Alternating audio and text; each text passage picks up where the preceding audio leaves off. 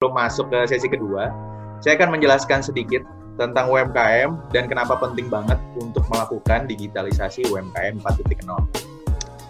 Pertama, secara keekonomian, UMKM di Indonesia itu berkontribusi mencapai 61% terhadap PDB nasional dan 97% terhadap penyerapan tenaga kerja nasional. Makanya nggak heran kalau UKM ini sering dibilang sebagai backbone-nya ekonomi Indonesia.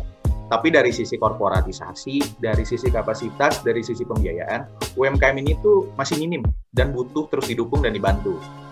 Nah, terkait UMKM digital, eh, berdasarkan data dari Kemenkop UKM, ternyata hanya 13 persen UMKM di Indonesia yang telah go digital dan hanya 4 persen sampai 10 persen yang mampu bertahan dalam persaingan dunia digital.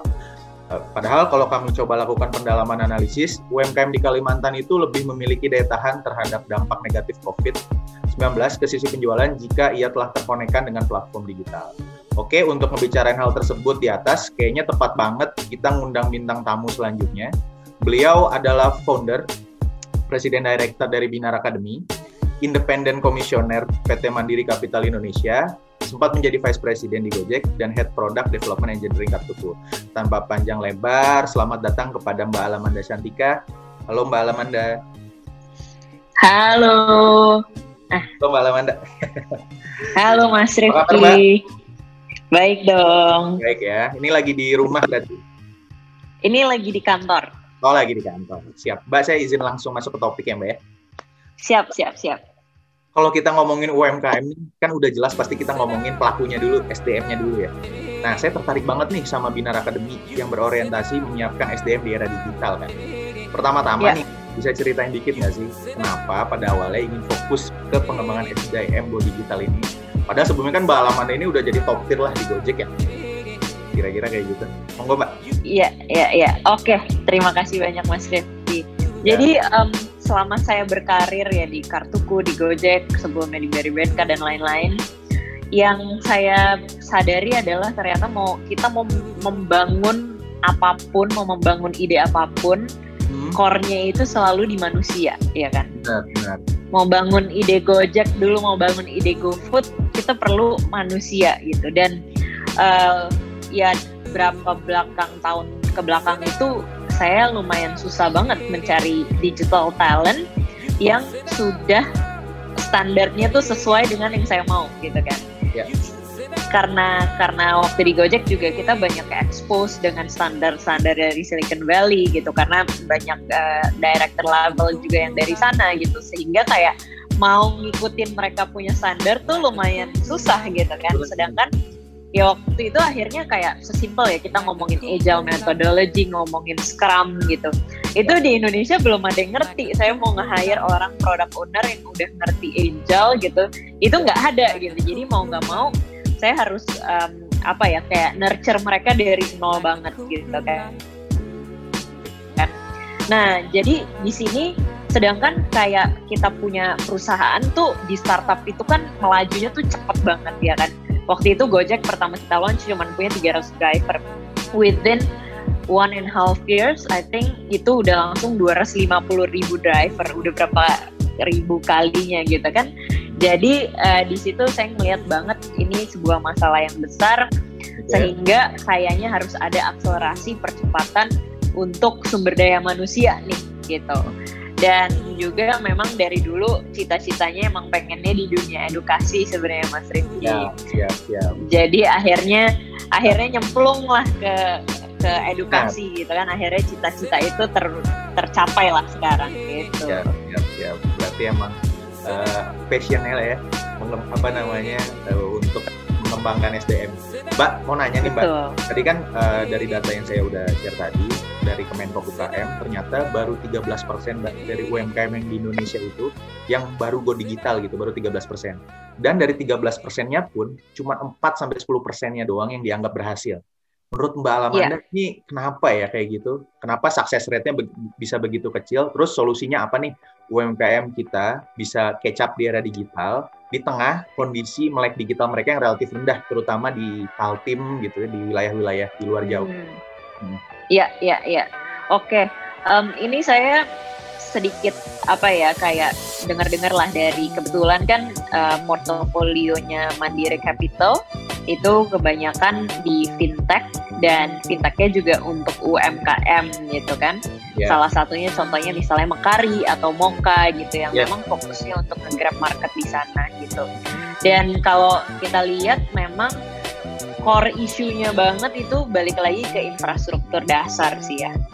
Kayak kita mau implementasi misalnya ada juga jurnal jurnal itu untuk kita uh, journaling pendapatan dan lain sebagainya lah ya yep. waktu mau penetrasi market itu sulitnya apa ke UMKM mereka sesimpel nggak ada internet gitu kan jadi yeah. akhirnya yeah, pakai yeah. aplikasinya aplikasi yang offline gitu hmm. nah jadi memang kelihatannya memang dari infrastruktur yang sangat sangat amat mendasar lah ya gitu apalagi um, memang kayak pengguna komputer itu juga masih kecil banget gitu. Saya juga waktu ke Kupang gitu ya nggak usah kita ngomongin internet gitu di Kupang uh, apa air bersih aja di sana masih sulit gitu kan. Jadi jadi memang infrastruktur balik lagi gitu ya.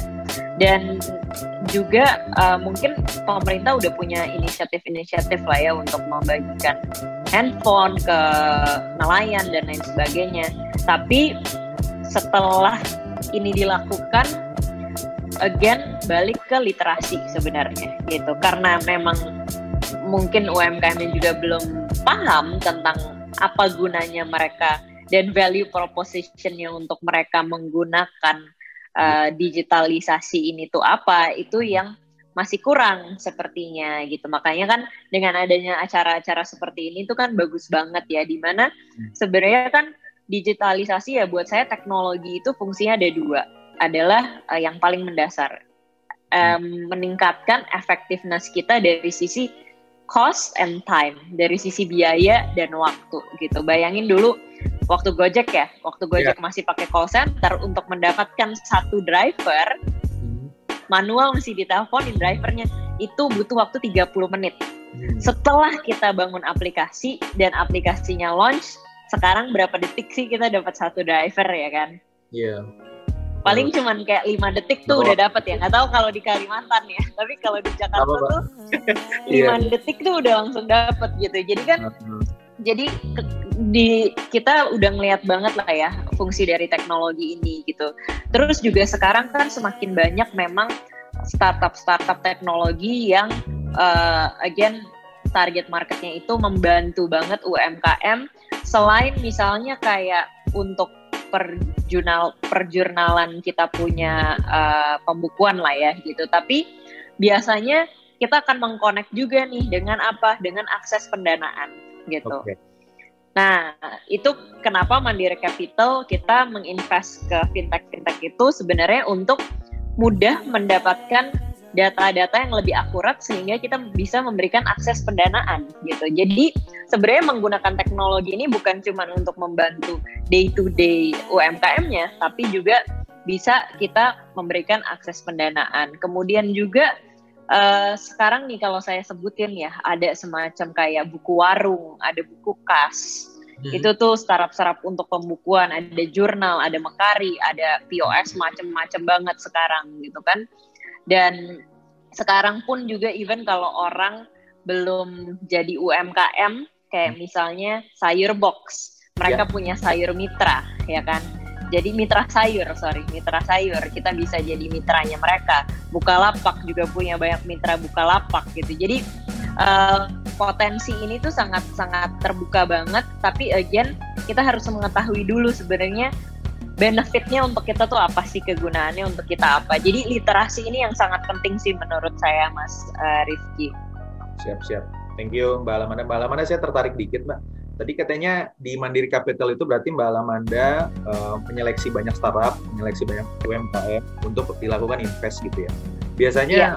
standarnya Mbak Alamanda untuk si startup startup ini layak diinvestkan tuh kayak gimana Mbak? Ini supaya memotivasi okay. teman-teman UMKM di sini atau misalnya teman-teman penggiat startup di Kaltim wah berarti gue harus bisa kayak gini nih supaya bisa diinvest sama uh, investor-investor kayak gitu.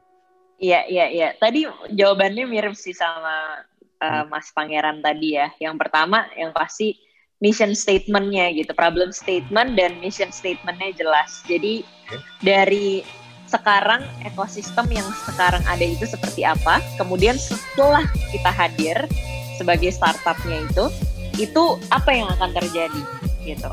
Yeah. Nah, contohnya misalnya binar gitu ya, kita punya problem statement adalah uh, ada cuma 10 persen uh, apa namanya high school graduates yang bisa masuk ke universitas ya kan berarti ada 90% nih orang di Indonesia yang nggak bisa melanjutkan ke universitas gitu nah sehingga kita pengen benar-benar mendisrupsi dunia uh, higher education dengan memberikan sesuatu yang sangat affordable dengan memanfaatkan teknologi gitu kan Nah, jadi jelas gitu kayak sekarang itu terjadinya seperti apa, ekosistemnya seperti apa, setelah kita hadir itu akan menjadi seperti apa. Itu yang pertama. Yang kedua adalah of course um, kalau dari solusi dari produk saya selalu bilang produk tuh bisa berubah-berubah gitu dan justru solusi dan produk kita itu harus bisa dipivot, harus berubah gitu.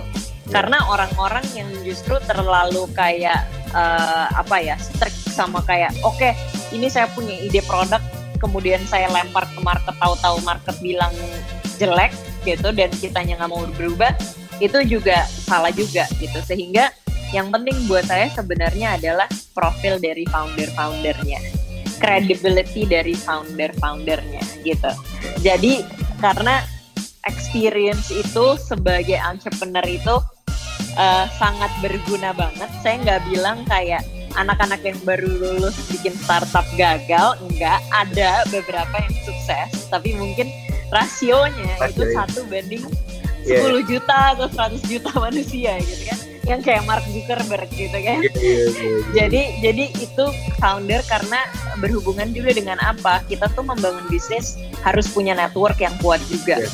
Gitu. Jadi credibility itu yang bisa membangun network juga gitu. Kita tuh bisnis tuh nggak bisa sendirian gitu. Binar berbisnis banyak banget kita partner-partner yang kita ajak kolaborasi gitu kan. Jadi itu network yang ketiga sebenarnya adalah market size juga gitu ya. Karena ini sebenarnya um, apa ya kayak mungkin kita ngelihatnya kayak sesuatu hal yang ya nanti kita bisa cari lah. Tapi yang paling penting buat investor apalagi kalau kita ngomongin venture capital ya mereka tuh sangat ngeliat banget yang namanya scalability. Hmm. Ini produknya ini scalable atau enggak sih? Karena memang yang namanya disruption itu kita harus menciptakan sesuatu yang scalable dan costnya juga kecil gitu. Makanya kenapa uh, perusahaan-perusahaan teknologi startup ini bisa super hyper growth itu hmm. karena kita itu modal sekali ini bikin aplikasi tapi itu tuh bisa dipakai tanpa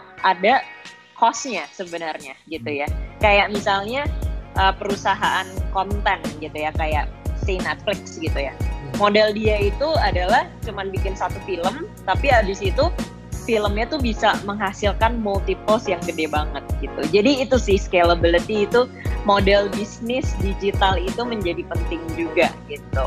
Kira-kira ya. itu sih mas siap siap. Thank you uh, Balamanda saya boleh ini ya mundur sedikit ke zaman Balamanda dulu masih nge nge-build Gojek uh, dari kecil gitu ya. Saya sempat uh, lihat interviewnya Mbak Alamanda. Dulu tuh katanya Mbak Alamanda itu sampai tidur jam 4, bangun jam 6 karena jam 6 itu biasanya servernya Gojek error ya karena Mbak Alamanda kan harus deploy uh, aplikasi Gojek waktu itu. Uh, boleh ceritain nggak gimana dulu strugglingnya pas ngebangun Gojek itu kan ibaratnya dulu Gojek startup lah ya bisa saya bilang gitu nggak mbak?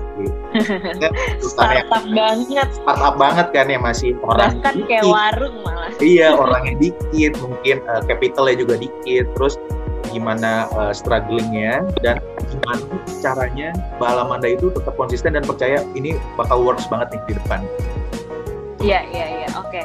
Uh, eh, pertanyaan kedua tadi konsisten ya oke. Okay. Uh, yang pertama adalah dulu ceritanya itu ya kita bener-bener startup ya yang bayangin startupnya tuh se-startup itu kok gitu ya kayak di rumahan kecil gitu terus rumahnya juga udah horor udah tua gitu dulu berapa terus, orang ya inisiatornya um, Kalau dulu itu Nadim sama Kevin sama uh, Mikey Moran sih sebenarnya mereka bertiga gitu ya. Iya, jadi waktu saya masuk itu masih call center, ya kan? Uh, call centernya waktu itu ada sekitar 10 lah gitu ya. Yeah. Kayaknya saya tuh karyawan-karyawan nomor 4 lah gitu ya di iya. sana ya. Yeah.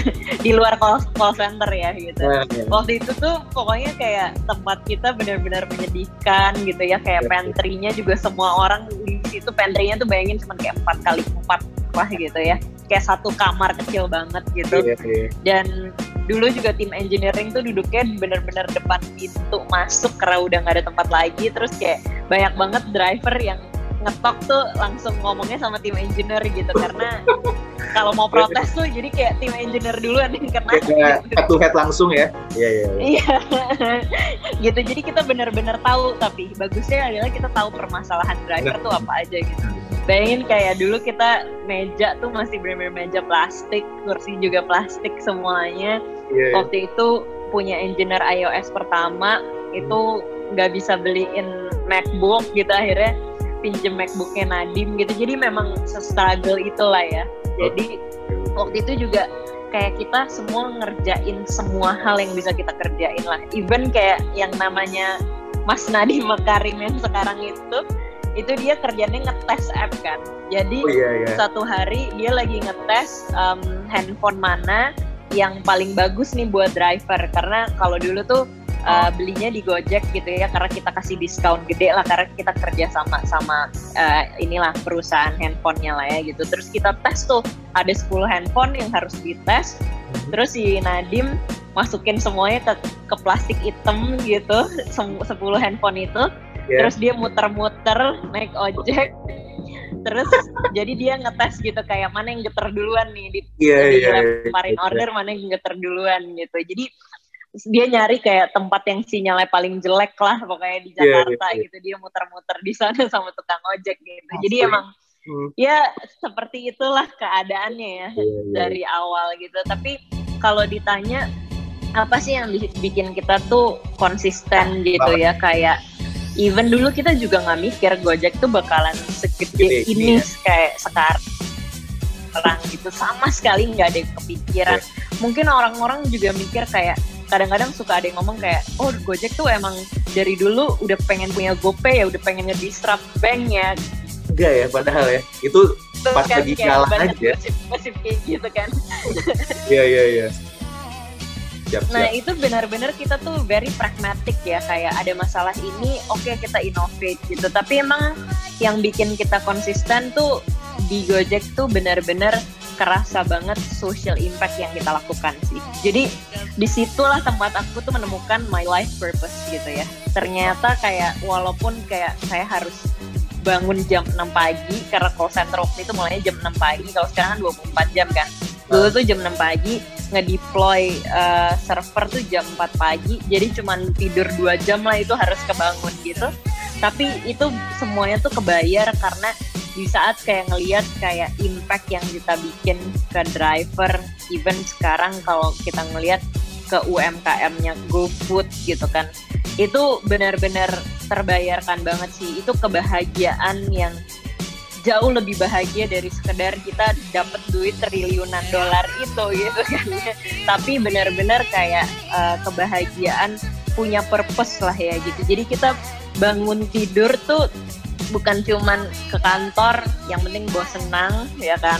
Atau mencuan doang ya iya gue memperkaya bos gue nih gitu. Atau kayak yang penting akhir bulan dapat gaji ntar dapat bonus juga gitu kan bonusnya juga udah habis habis itu karena janji sama istri mau ngajak liburan gitu kan bukan cuma itu doang gitu tapi ada ada ini lah ya. ya kebahagiaan yang endless lah gitu ya, kita ya. dapat gitu ya. uh, saya wakilin aja pertanyaan Mbak Rafni jadi uh, Mbak Rafni itu pertanyaannya gini Mbak jadi kalau okay. misalnya di uh, apa namanya kalau kita ngomongin UMKM Go Digital itu kan identiknya sama ino inovasi proses bisnis gitu mbak. Nggak cuma digital payment doang yang kita adaptasi. Betul. kayak udah ada smart aplikasi yang bisa tracking penjualan analisa produk nantinya kan itu bisa dipakai buat strategi marketing. Tapi yeah. kan itu butuh budget ya mbak ya. Itu butuh budget. Pengen nanya aja sih Mbak kita tuh sebenarnya apakah UMKM yang mau go digital itu harus punya budget tertentu? Atau gimana solusinya yang tepat buat pelaku-pelaku UMKM yang mau go digital nih tapi terhambat dengan finansial mereka gitu Mbak? Iya. Nah, sebenarnya dengan hadirnya startup-startup digital ini karena kan mereka itu benar-benar uh, customer centric banget ya. Kita tuh di startup yeah. tuh customer centric banget ya. Jadi kita berusaha untuk ibaratnya ngambil jalan tengahnya lah uh, masalah cost juga. Of course mereka pasti sudah mempelajari kayak dengan target market UMKM ini berapa budget yang bisa di spend oleh para UMKM ini gitu. Dan biasanya juga kadang-kadang bahkan mereka memberikan platform-platform itu secara gratis gitu. Karena mereka juga uh, punya inilah ya punya kolaborasi dengan tempat lain gitu. Maksudnya mereka mau monetize-nya itu dari tempat lain gitu. Jadi kalaupun berbayar juga uh, karena kan kita kebanyakan juga subscription base gitu ya jadi bukan yang harus beli software di depan gitu sekarang tuh udah nggak modelnya kayak gitulah ya dengan subscription base ini kan kita juga bisa mengatur secara bulanan dan juga harganya juga tidak terlalu mahal gitu. Jadi asal yang paling penting adalah asal kita pinter-pinter research dan mencari solusi apa yang tepat buat kita sih gitu. Dan mungkin juga bisa uh, apa ya mencari strategi kira-kira kan kita nggak bisa juga langsung semuanya gitu ya dari misalnya dari pencatatan atau dari sisi marketing gitu. Coba aja dulu satu gitu mulai startnya dari satu aja dulu misalnya jualan di marketplace gitu kan atau jualan di Instagram. Pakai coba pakai pakai paid ads sedikit gitu. Paid ads itu juga sebenarnya nggak mahal kok kalau kita mau belajar ya karena untuk menggunakan paid ads itu kita juga harus uh, tahu nih strateginya gimana sih supaya jadinya murah gitu kan nah itu banyak banyak belajar sekarang kan juga udah banyak banget webinar uh, untuk kita ikut-ikut lah tentang knowledge-knowledge baru ini gitu. Jadi step by step gitu dan juga uh, ya nggak perlu langsung semuanya oh, dan step. juga research research yang banyak gitu karena solusinya banyak pilihannya banyak kita tinggal lihat aja mana yang kira-kira fit buat kita gitu. Siap siap. Oke, thank you Mbak Lamanda. Gimana Mbak Rafni? Apa udah kejawab? Oh, Udah ya. kedengeran belum ya Mas suaranya? Ya, udah, udah, Sudah, udah. Mbak. Monggo, monggo Mbak Rafni. Iya, makasih Mas uh, Rifki, makasih Mbak Ala. Uh, mungkin saya mau coba satu pertanyaan lagi aja nih ya Mbak ya. Semoga bisa terdengar siap, dengan jelas suaranya. Oke, okay. uh, mungkin ini lebih ke secara personal aja sih Mbak.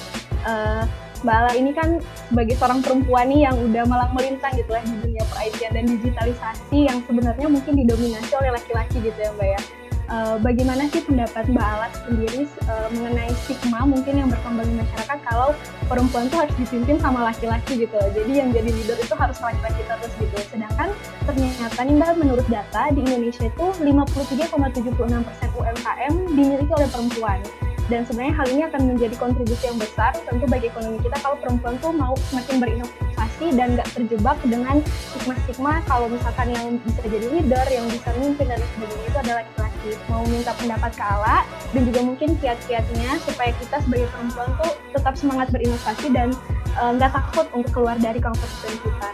Terima kasih.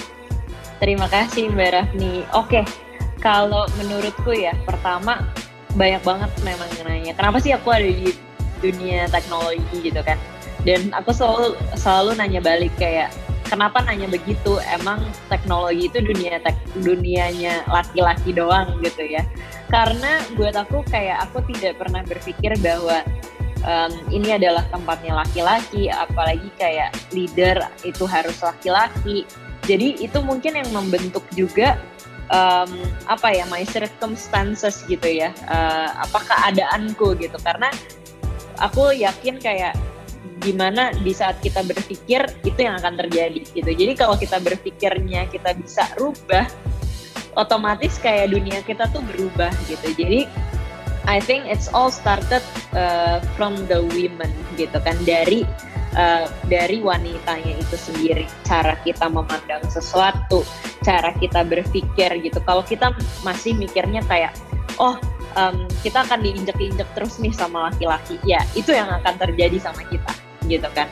Nah jadi start untuk kita berpikir bahwa kita tuh bisa. Itu aja sih sebenarnya. Kemudian juga dengan hadirnya role model role model yang semakin banyak kita lihat uh, women leaders gitu itu membuktikan bahwa kesempatannya itu ada di situ gitu sekarang banyak juga yang bilang kayak kita udah mikir kayak gitu tapi kita nggak dikasih kesempatan gitu. Nah berarti masih ada yang salah juga dengan pemikiranmu gitu ya. Kenapa kamu sampai ke attract ke dunia yang seperti itu gitu. Padahal kalau kita lihat kenyataannya, dan aku juga sendiri kayak nggak pernah sama sekali didiskriminasi oleh siapa pun di tempat kerjaku gitu. Walaupun aku cewek kayak uh, cewek di dunia teknologi di biasanya di tim tech itu cuma 10% gitu. Dan aku ngeliat juga kayak uh, beberapa timku yang wanita yang aku mau angkat sebagai lead kadang-kadang mereka malah yang bertanya gitu. Aku udah kasih trust tapi uh, mereka yang bertanya kayak emang aku beneran bisa ya? Gitu karena balik lagi berarti kan itu ada di dalam diri wanita itu sendiri. Jadi semua perubahan itu uh, aku percaya mulainya justru dari diri kita sendiri sih. Dan um, kalau ngomongin kayak nantinya uh, women itu harus lebih daripada laki-laki itu aku sangat tidak setuju gitu. Karena yang kita cari adalah equality. Nanti kalau misalnya kita terus-terusan bilang kayak oh women will be the next leader gitu. Nanti akhirnya kayak nanti bakalan ada man empowerment gitu 10 tahun lagi gitu ya maksudnya. Jadi sebenarnya aku juga tidak terlalu baik dengan yang namanya women empowerment uh, movement dan lain-lain. Karena sebenarnya kadang-kadang dengan kita membuat hal-hal seperti itu itu udah otomatis kita mengotakkan diri kita sendiri gitu. Kenapa harus cuman women doang gitu? Padahal kita kan equal maunya kita di equality gitu kan. Kita maunya dianggap sama tapi kita kadang justru mengotakkan kita dan kita merasa kayak oh kita doang yang harus di empowerment di empower gitu. Men enggak gitu. Padahal kita tuh sama-sama perlu di empower gitu kan. Itu mungkin Mbak nih Oke baik, terima kasih Mbak Ala. Jadi mulai sekarang jangan mengkotak-kotakan lagi nih harus cuma bisa cewek atau cuma bisa cowok. Kayak mulai dari diri sendiri aja, percaya kalau kita tuh juga bisa. Yang paling penting itu adalah equality gitu ya Mbak ya. Oke, Betul. terima kasih Mbak Ala. Uh, Thank okay, you. Saya mau izin nih Mbak, mau membacakan beberapa pertanyaan daripada para peserta yang udah banyak banget nanyanya ini sampai bingung. Tanyanya pada bagus banget. harus mana dulu yang kan. Mungkin ini pertama dari uh, Mbak Elisa Fitri dari Bogor. Pertanyaan untuk Kak Ala. Uh, menurut Kak Ala bagaimana ya dengan berkembangnya digitalisasi melalui platform fintech, apakah hal itu berpengaruh terhadap pertukaran perekonomian di Indonesia untuk menjadi lebih baik lagi? Ya, ya. Uh, jawabannya sih sangat sangat mempengaruhi ya karena memang kan kita lihat aja kayak penetrasi imani itu sebenarnya kan dari dulu ya kita sudah mengidam-idamkan, sudah mencita-citakan banget untuk cashless society. Dari zaman saya di kartuku tuh ingat banget tuh. Kita udah pengen cashless society, kita udah pengen kayak uang tuh udah uh, uang fisik itu sudah berkurang gitu kan. Dan uh, dulu kita sulit banget nih untuk mempenetrasi yang namanya mobile wallet gitu. Tapi dengan hadirnya GoPay dan lain-lain itu uh, cepat sekali gitu kan ya. Dan juga selain dari sisi cashless society itu sekarang dengan dengan penetrasi digital ini apalagi di masa covid seperti ini otomatis orang nggak usah jauh-jauh lah ya kita mulai melihat dari diri sendiri aja saya aja belanja di marketplace itu hampir tiap hari datang paket gitu kan. Karena semuanya jauh lebih convenience gitu jauh lebih cepat lah ya gitu. Orang dulu yang mungkin nggak sering makan res bukan restoran lah ya merchantnya GoFood deh.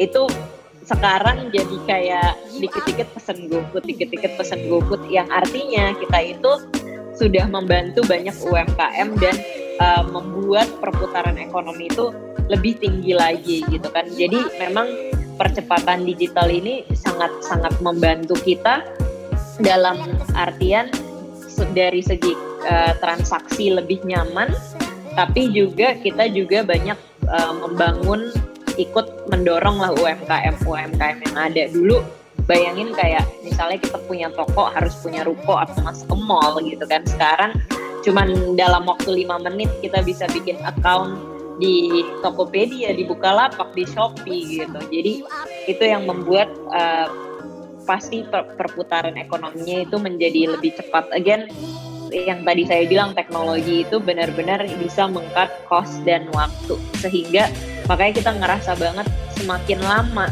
hidup kita tuh semakin cepat semakin lama bumi tuh berasanya tuh berputarnya tuh cepat banget kalau dulu kayak mungkin penetrasi telepon misalnya butuh waktu puluhan tahun sampai ratusan tahun sekarang tuh penetrasi kayak Gojek gitu ya contohnya itu cuma dalam waktu bulan kita itu growth-nya udah 100 kali lipat gitu kan karena again teknologi ini gitu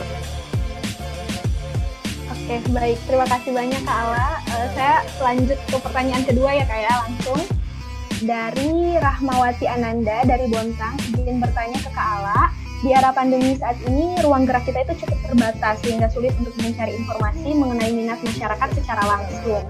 E, gimana sih Kak cara kita untuk mencari tren yang sedang diminati masyarakat saat ini? Itu dan kemudian e, bagaimana cara kita membangun branding kita sampai saat ini? Karena di, e, di tengah banyaknya kompetitor yang ada. Jadi kayak bagaimana sih kita untuk bisa bersaing gitu mungkin kayak dengan kompetitor yang ada? E, dan terakhir apakah perlu berkol berkolaborasi dengan brand lain e, untuk memiliki target pasar yang lebih besar gitu? Iya. Oke, okay, aku mungkin uh, balesnya dari bawah ya. Oke, okay, um, ini yang nomor tiga ini uh, dampaknya sangat besar banget ya. Kita di Binar sendiri tuh udah ngerasain. Jadi community marketing, community partnership itu sangat amat uh, signifikan, bikin significant growth gitu. Karena again uh, biasanya ya kayak di Binar kita ngeliat juga kira-kira ada komunitas mana yang marketnya belum kita tap, kemudian kita bikin kolaborasi bareng, even kemarin kayak contohnya kan kan Binar nih edukasi gitu, terus kita kerjasama sama Dipa Barus gitu yang musik industri yang benar-benar kayak the whole different world gitu kan. Tapi dengan hal seperti itu itu kita juga pengen kita punya satu message khusus sebenarnya di balik itu gitu. Karena kita selama ini melihat kayak edukasi tuh sesuatu yang kaku gitu. Kayak edukasi tuh orang-orang yang ada di dalam situ tuh orang-orang yang nggak pernah breaking the rules gitu kan. Orang-orang yang geek banget gitu. Kita pengen ngasih pesan bahwa dunia edukasi ini juga bisa fleksibel loh. Kita bisa kok temen temenan sama DJ sama musician gitu kan.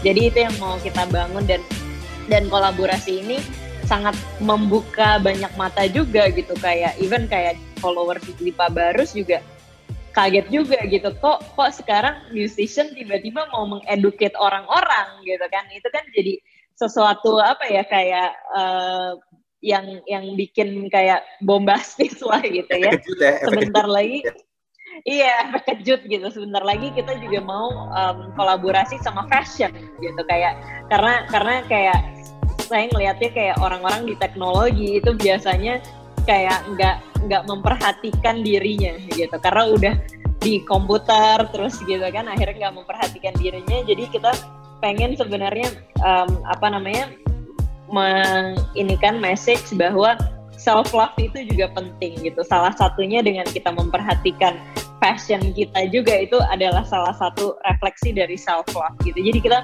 mau kerjasama sama fashion gitu. Dan again itu sangat sangat apa ya sangat efektif banget walaupun mungkin masih di tahap awareness tapi at least nama kita kedengeran di community lain dan community yang kita tap itu juga ya ibaratnya mereka misalnya punya di Instagram sih mereka punya 500 ribu followers ya udah segitu banyak yang kita reach gitu kan.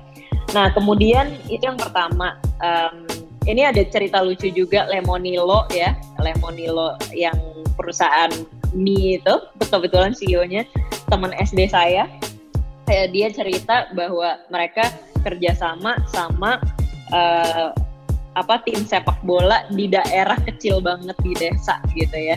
Karena mereka mau penetrasi market ke sana jadi mereka sponsorin tim bola di desa gitu kan.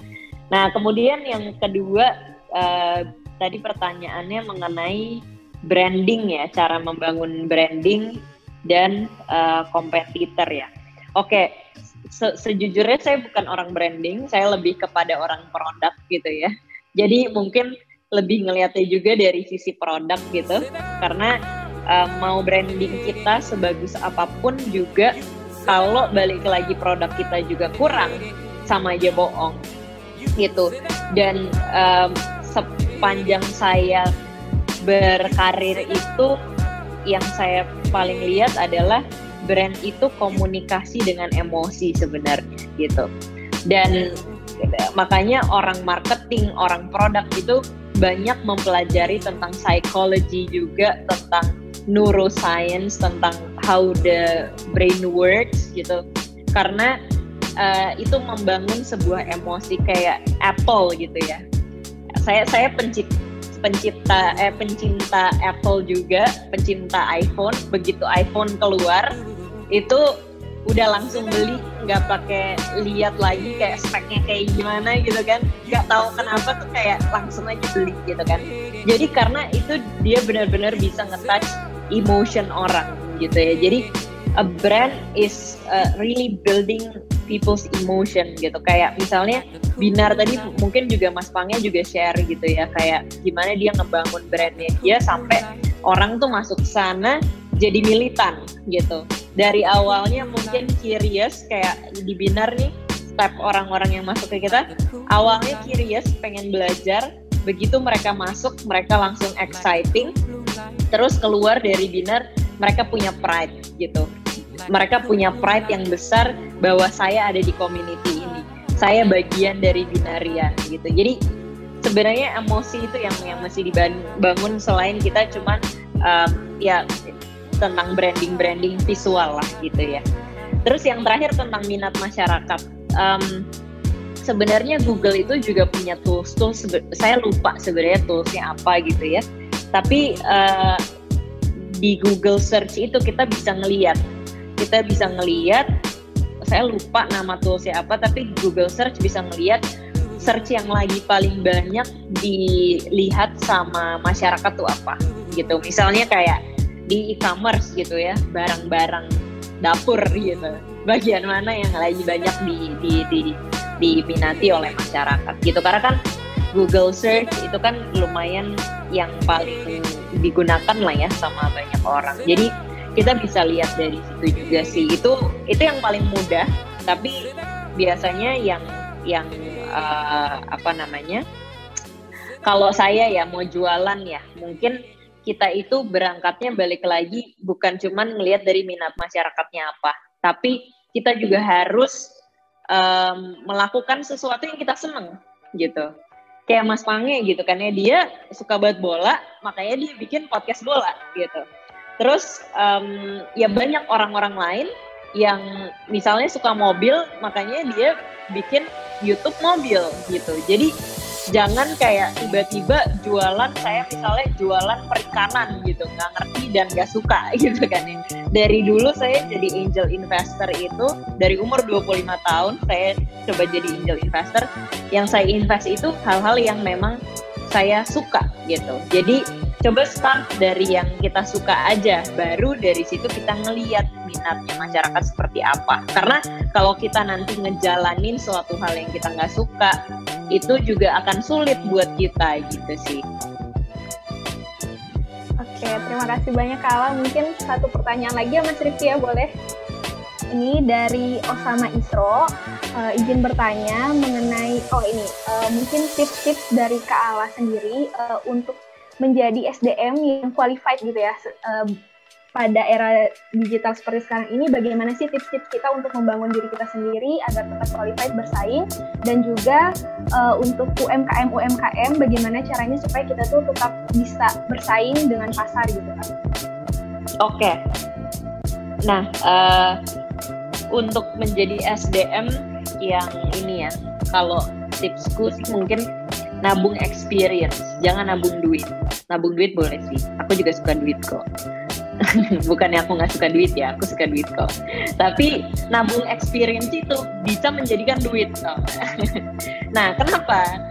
kayak dulu ya waktu cerita sedikit waktu aku di kartuku leader-leaderku tuh sampai bingung kayak ini anak kok minta kerjaan baru melulu gitu ya karena uh, karena buat aku kayak sebuah rejeki itu datangnya tuh formnya bisa macam-macam gitu. Macam salah satu macamnya adalah kerjaan baru.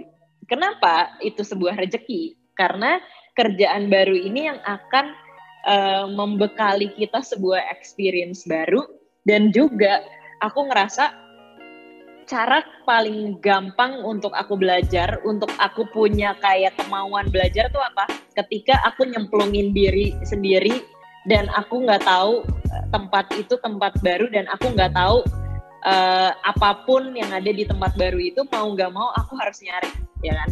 Kayak sekarang nih, uh, jadi CEO, jadi CEO tuh tiba-tiba harus banyak banget yang dipelajari gitu kan? salah satunya misalnya marketing aku bukan dari orang marketing gitu mau nggak mau sekarang aku harus nyemplungin diri belajar kayak satu-satu kayak ini maksudnya apa ini maksudnya apa gitu ya walaupun aku punya tim di situ gitu tapi aku kan juga harus tahu gitu kan basic-basicnya gitu. Nah jadi itu nabung experience. Uh, kalau orang kadang-kadang dikasih kerjaan baru sama bos rasanya kesel banget gitu. Justru itu adalah rezeki harus melihatnya itu sebuah rezeki jadi rubah banget mindset kita gitu. Itu rezeki untuk kita bisa nabung experience dan dengan kayak gitu ya di kartuku itu aku dalam waktu dua tahun dipromot empat kali gitu kan. Karena karena kayak uh, cepet banget belajarnya gitu. Dan karirku juga kalau bisa dilihat tuh lumayan cepet banget karena itu dia aku tuh terus nyari hal-hal baru gitu. Dan juga jangan baperan ini hashtag jangan baperan gitu ya. Uh, jangan baperan karena baper itu yang akan menutup mindset kita dari growth mindset. Growth mindset itu bagaimana kita itu bisa terus berkembang ya karena cara punya growth mindset paling gampang adalah jangan baper mau mendengar feedback dari orang. Kalau misalnya kita udah nggak mau dengar feedback orang di saat itulah growth mindset kita tuh hilang gitu. Jadi kalau dikasih feedback jangan sensi gitu kan.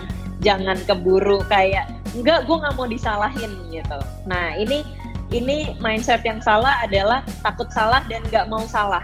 Ya. justru kita harus salah untuk kita bisa berkembang gitu. Dan yang terakhir untuk UMKM bisa bersaing ya.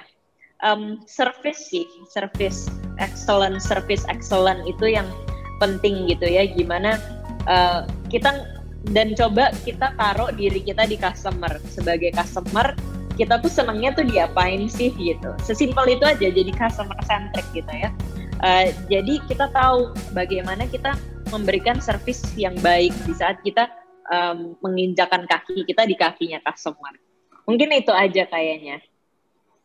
Oke, baik. Terima kasih banyak Kak Ala. Uh, Mas Rizky, pertanyaan di sesi ini kayaknya cukup dulu, Mas. Udah beres ya? Oke, oke. Siap. Mbak Ala, pertanyaan penutup Mbak dari saya. Mbak Ala nih ke depan kira-kira ya. mau ngapain lagi? Karena kan Mbak Ala nih kan selalu growing ya, apalagi punya growth mindset yang bagus lah. Kira-kira dengan Binar mau ngapain? Mbak Ala sendiri mau ngapain ke depan? dengan binar yang pasti kita pengen punya jutaan student ya kan sekarang kita udah udah ada di student kita udah tersebar di 35 kota di Indonesia ya dan ya kita pengen terus bisa um, memberikan again experience baru dalam belajar. Again belajar itu bukan sesuatu hal yang menakutkan. Kalau dulu kayak kita itu kalau belajar dikasih nilai jelek terus dipermalukan di depan kelas itu yang sangat amat kita against gitu kan. Jadi kita benar-benar pengen ngasih orang experience baru. Belajar itu harus menyenangkan. Nggak boleh di dipermalukan gitu kan. Karena semuanya pasti salah dan belajar gitu. Yang kedua uh, yaitu kita pengen memberikan semua bisa mengakses pembelajaran kita gitu. Yang terakhir adalah uh, ini masih masih ini sih masih agak-agak confidential, cuman kita pengen pokoknya uh, nantinya ini yang menjadi talenta digital itu bukan cuman programmer, bukan cuman UI UX designer gitu, tapi semua orang di semua divisi itu sudah mulai harus melek digital gitu kan. Nah itu yang uh, akan selanjutnya kita inilah kita garap lah gitu. Ya, thank you banget Mbak Alamanda Santika atas ngobrol-ngobrol di diskusi sore kali ini. Semoga apa yang tadi disampaikan oleh Mbak Alamanda bisa bermanfaat lah untuk UMKM di Kaltim, di Indonesia maupun generasi milenial. Thank you Mbak Alamanda. Siap, thank you Mas Rifki. Semoga sukses dalam rencananya ya.